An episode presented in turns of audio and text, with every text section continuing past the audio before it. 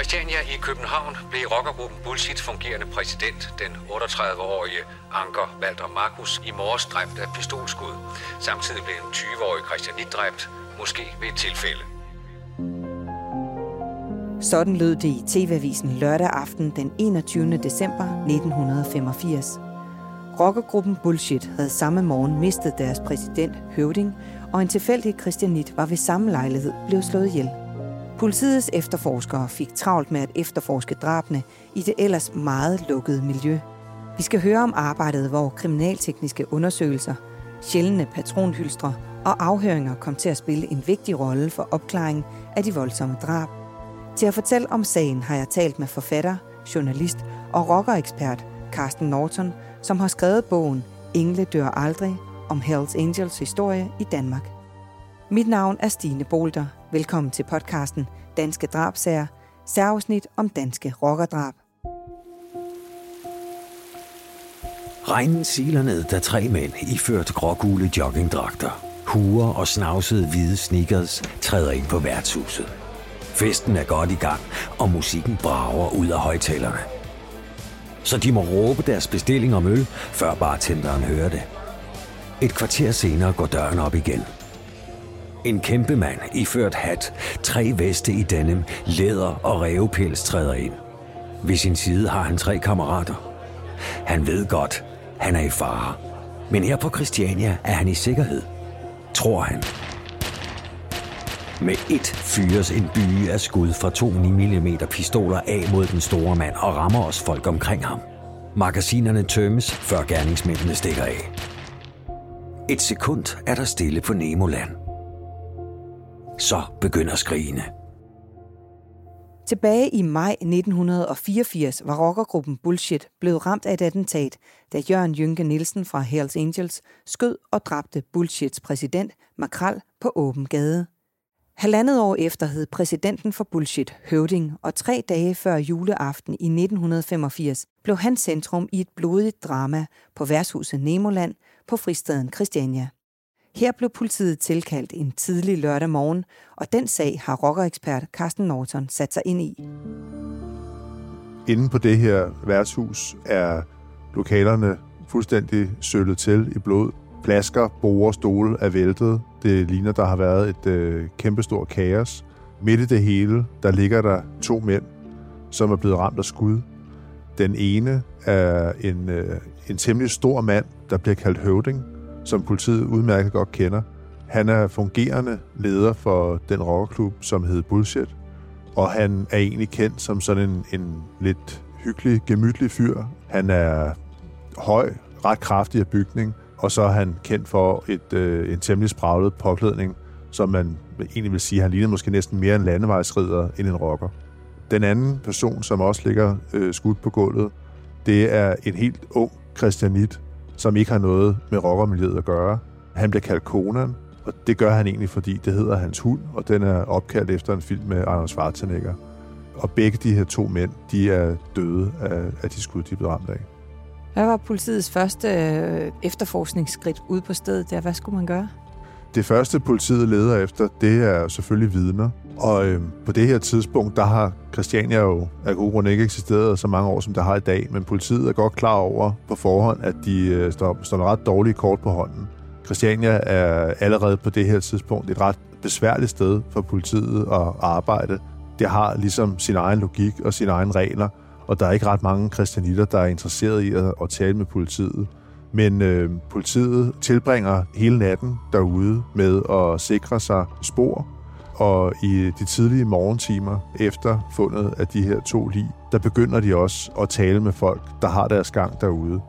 Og det viser sig egentlig, at, at selvom politiet har lidt svært ved at få christianitterne til at tale normalt, så er det her dobbeltdrab alligevel så voldsomt, at der er nogen, der simpelthen synes, at det her det er så uacceptabelt, så man vælger at sige, hvad man ved til politiet. Og allerede den følgende formiddag, der bliver der fundet de pistoler, som er blevet brugt til det her dobbeltdrab.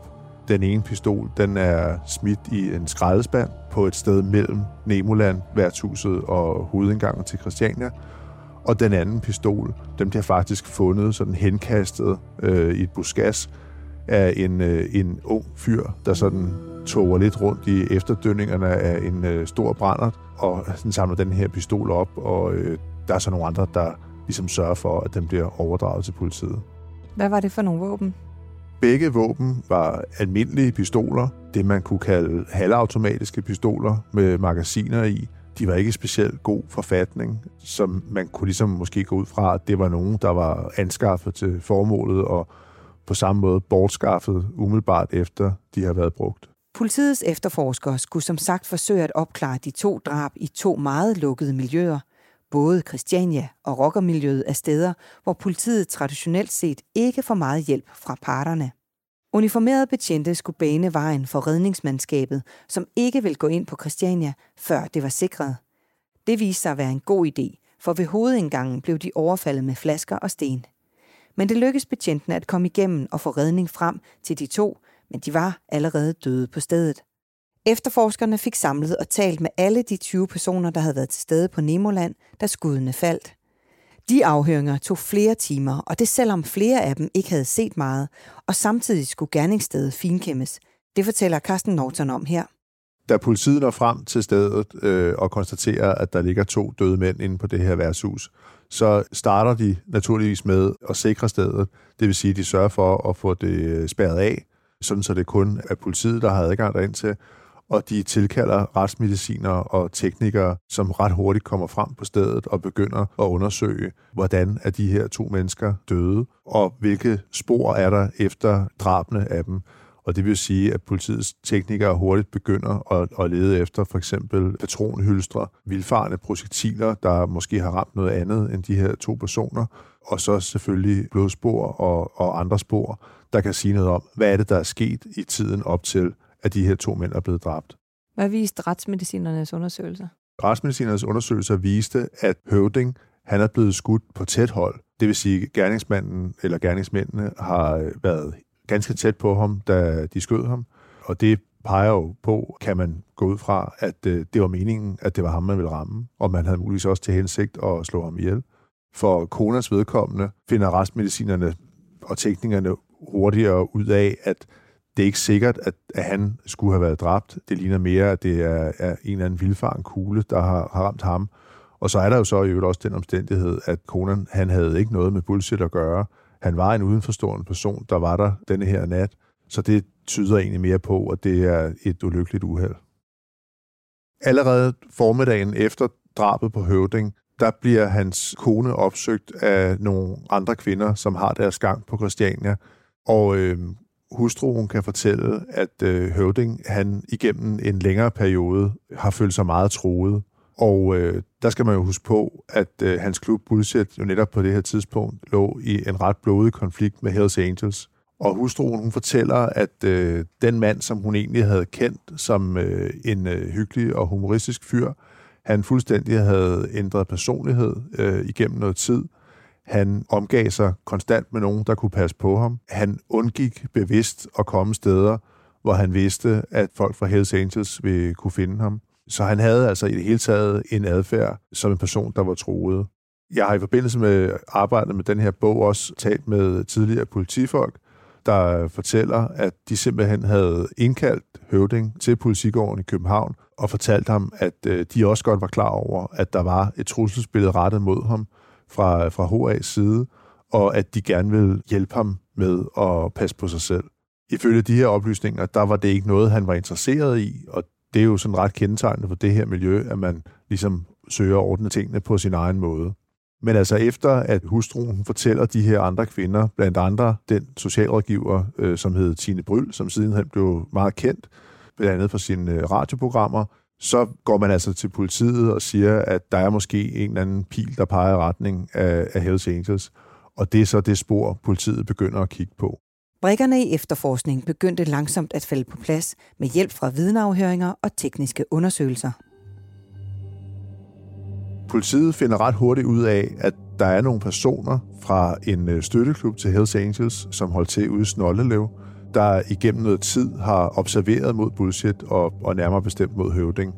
Denne her klub øh, ved Snollelev, den hed øh, oprindeligt Black Sheep, og der fatter politiet interesse for øh, to-tre mænd, som de finder ud af har observeret mod Bullshits klubhus ude på Amager, og øh, de finder ud af, at der er bullshit-folk, der sådan har opdaget, at de er blevet udspioneret, og der tegner sig sådan i det hele taget et billede af, at man har prøvet at finde ud af, hvor folk fra bullshit opholder sig henne på nogle bestemte tidspunkter. Og denne her aften, hvor det så ender med, at Høvding bliver dræbt, der har der været en julefrokost i Bullshits klubhus, og den er jo så blevet holdt i, i private rammer, og det måske var det ikke meningen, at den skulle fortsætte andre steder, men det jo ender jo i hvert fald med, at øh, Høvding og hans følge, de tager hen til Nemoland for at fortsætte den her øh, julefest. Og Nemoland er på det her tidspunkt øh, kendt som sådan erklæret bullshit-territorium. Det er jo sådan med Christiania, at det er et gammelt militærområde, og lige præcis Nemoland er indrettet i en slags forlokaler til noget, der engang har været et øh, militært skydetræningsområde. Der, der ligger simpelthen nogle indendørs øh, skydebaner i området bag Nemoland, og dem har Bullshit igennem tiden brugt til at, at, at øve sig med skydevåben. Og derfor så bliver øh, Nemoland på det her tidspunkt simpelthen bliver, øh, kaldt skydeteltet øh, for folk med kendskab til Bullshit. Efter julefrokosten, der ender det med, at øh, Høvding og hans kammerater, de tager et par taxaer hen til Nemoland for at fortsætte festen der.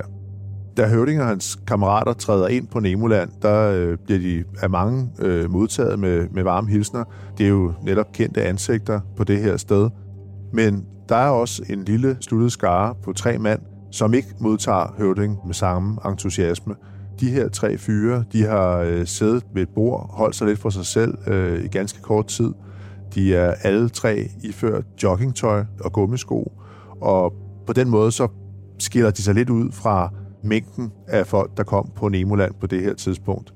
Og øh, ganske kort tid efter, at Høvding har gjort sin entré, så er der en eller to af de her mænd, der trækker deres pistoler og skyder Høvding, og altså ved samme lejlighed rammer den unge Christianit, som, øh, som står tæt på Høvding. Efterforskningen viste, at kort efter skudepisoden var de tre mænd løbet ud af Christiania og væk fra det blodige gerningssted. Senere viste sig, at de kørte væk i en gammel blå Renault. De sørger for at skille sig af med deres øh, skydevåben på vejen ud. Den ene smider en pistol i en skraldespand, den anden kaster sit øh, våben op ved øh, Christianias daværende hovedindgang, som lå lige ud til Bådsmandstræde, og de forsvinder så videre ud i natten fra det her sted. Det er så sådan, at øh, politiet relativt hurtigt ved, eller har en klar formodning om, hvem i hvert fald to af de her mænd er og den ene er en øh, fyr, som bliver kaldt Ludvig i miljøet, og den anden er en, der bliver kaldt Ost. Den tredje har de ikke sådan lige en klar fornemmelse af, af hvem er, men de her to fra Black Sheep i Snoldelev, de bliver ret hurtigt efterlyst i medierne, og der går ikke ret mange dage, så er de begge to øh, anholdt og sigtet for de her to drab. Politiet har en formodning om, at den tredje mand er en øh, fyr, der hedder Dan Lønge, han bliver kaldt i miljøet kaldt for den lille. De har dels noget signalement af ham, og dels så taler de med, med folk, som mener at have set ham på det her sted. Men øh, det ender med, at Dan Lønge får et alibi af en øh, daværende kæreste, som gør, at politiet ikke kan hænge ham op på det her drab.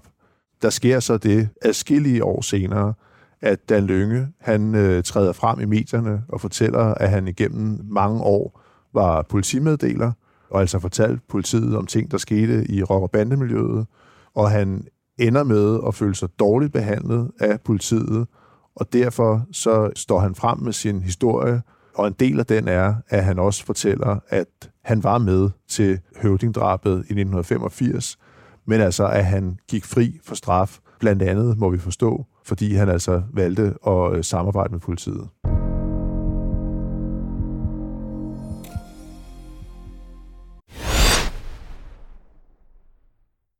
Har du for meget at se til?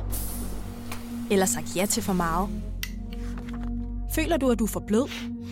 Eller er tonen for hård? Skal du sige fra? Eller sige op? Det er okay at være i tvivl. Start et godt arbejdsliv med en fagforening, der sørger for gode arbejdsvilkår, trivsel og faglig udvikling. Find den rigtige fagforening på dinfagforening.dk Haps, haps, haps. Få dem lige straks. Hele påsken før, imens billetter til max 99. Haps, haps, haps. Nu skal vi have... Orange billetter til max 99. Rejs med DSB Orange i påsken fra 23. marts til 1. april. Rejs billigt, rejs orange. DSB, rejs med. Haps, haps, haps. Du vil bygge i Amerika? Ja, selvfølgelig vil jeg det. Reglerne gælder for alle. Også for en dansk pige, som er blevet glad for en tysk officer. Udbrændt til kunstner. Det er jo sådan, har tørt, han ser på mig. Jeg har altid set frem til min sommer. Gense alle dem, jeg kender. Badehotellet den sidste sæson. Stream nu på TV2 Play. Vi har opfyldt et ønske hos danskerne. Nemlig at se den ikoniske tom skildpadde ret sammen med vores McFlurry. Det er da den bedste nyhed siden nogensinde. Prøv den lækre McFlurry tom skildpadde hos McDonald's.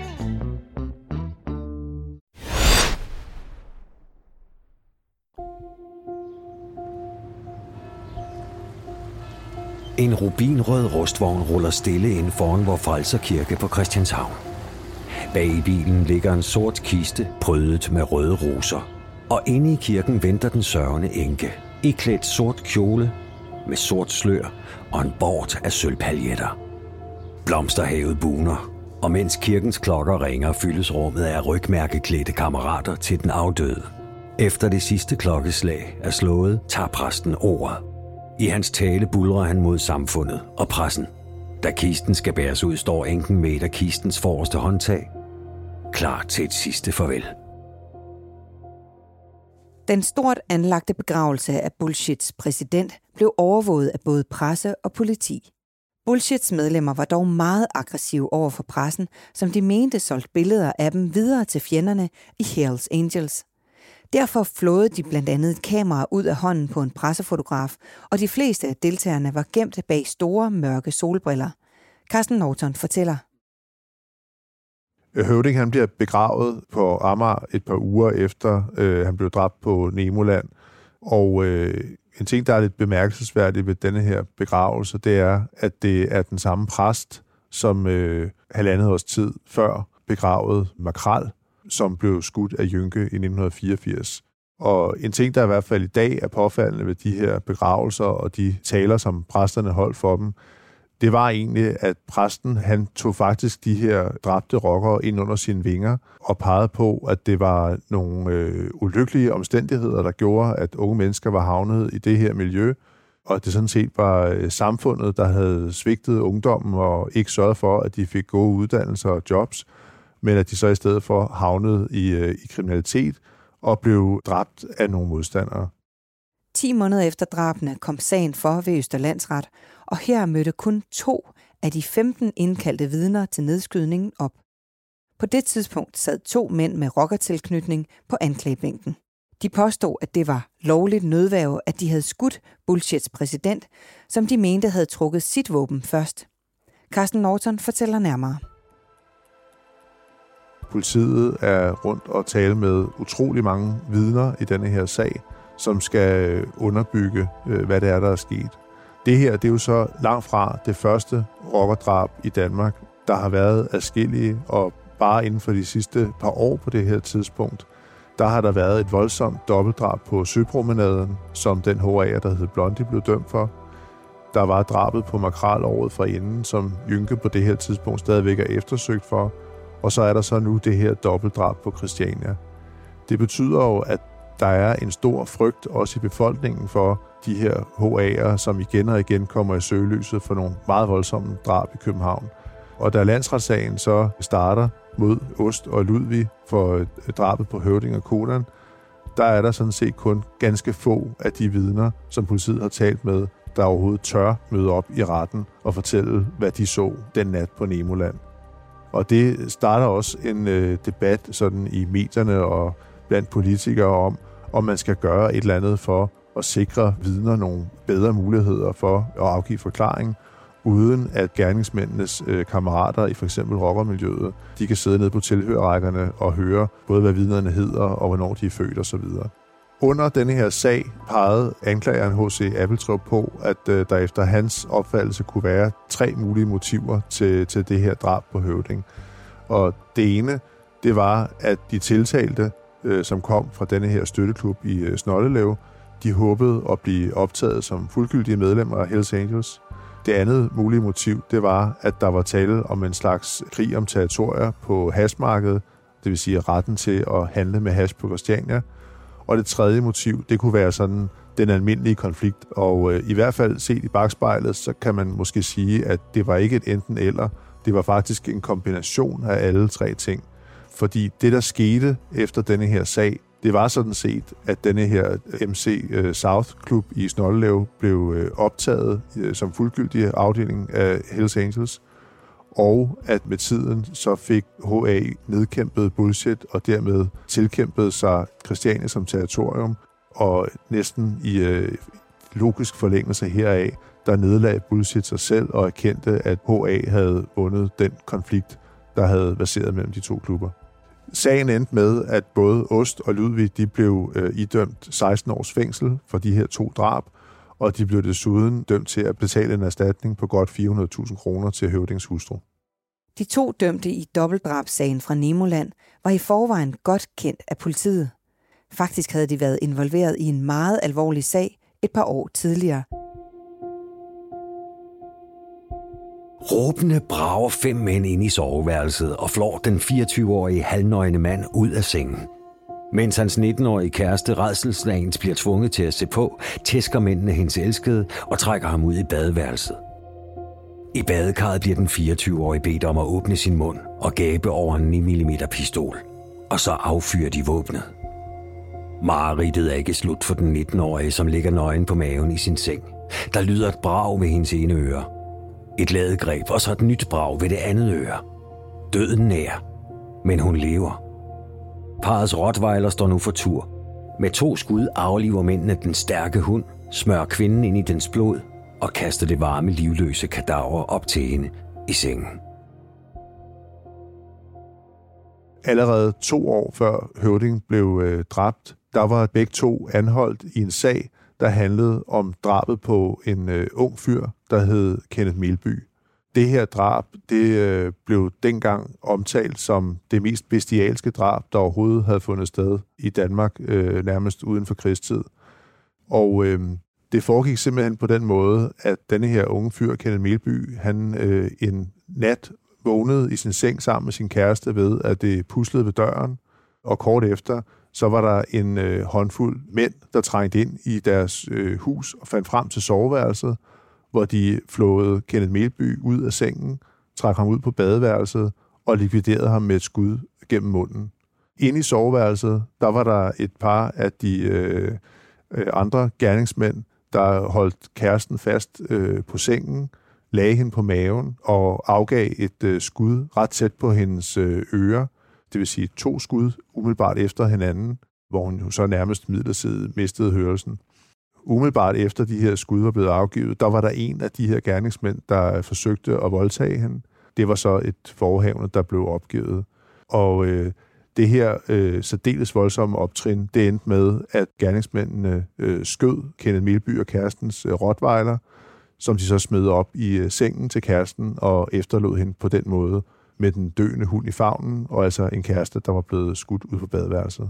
Denne her sag, den endte med i retten, at gerningsmændene alle sammen var øh, tiltalt for det her drab, men der var en af dem, der simpelthen påtog sig skylden og dermed straffen.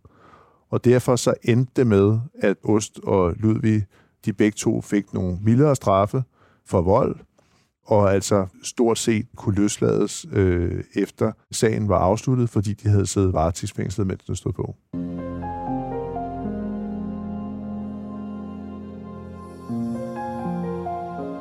I flere år bullerede rockerkrigen i Danmark – meningsløse likvideringer, angreb og voldshændelser over hele landet. Den blodige krig mellem Bullshit og Hells Angels sluttede i 1987, da det sidste medlem af Bullshit ringede til fjenderne og sagde, at alle rygmærkerne var taget af og brændt. Tak til rockerekspert, forfatter og kriminalreporter Carsten Norton. Speaks indtalt af Henrik Forsum.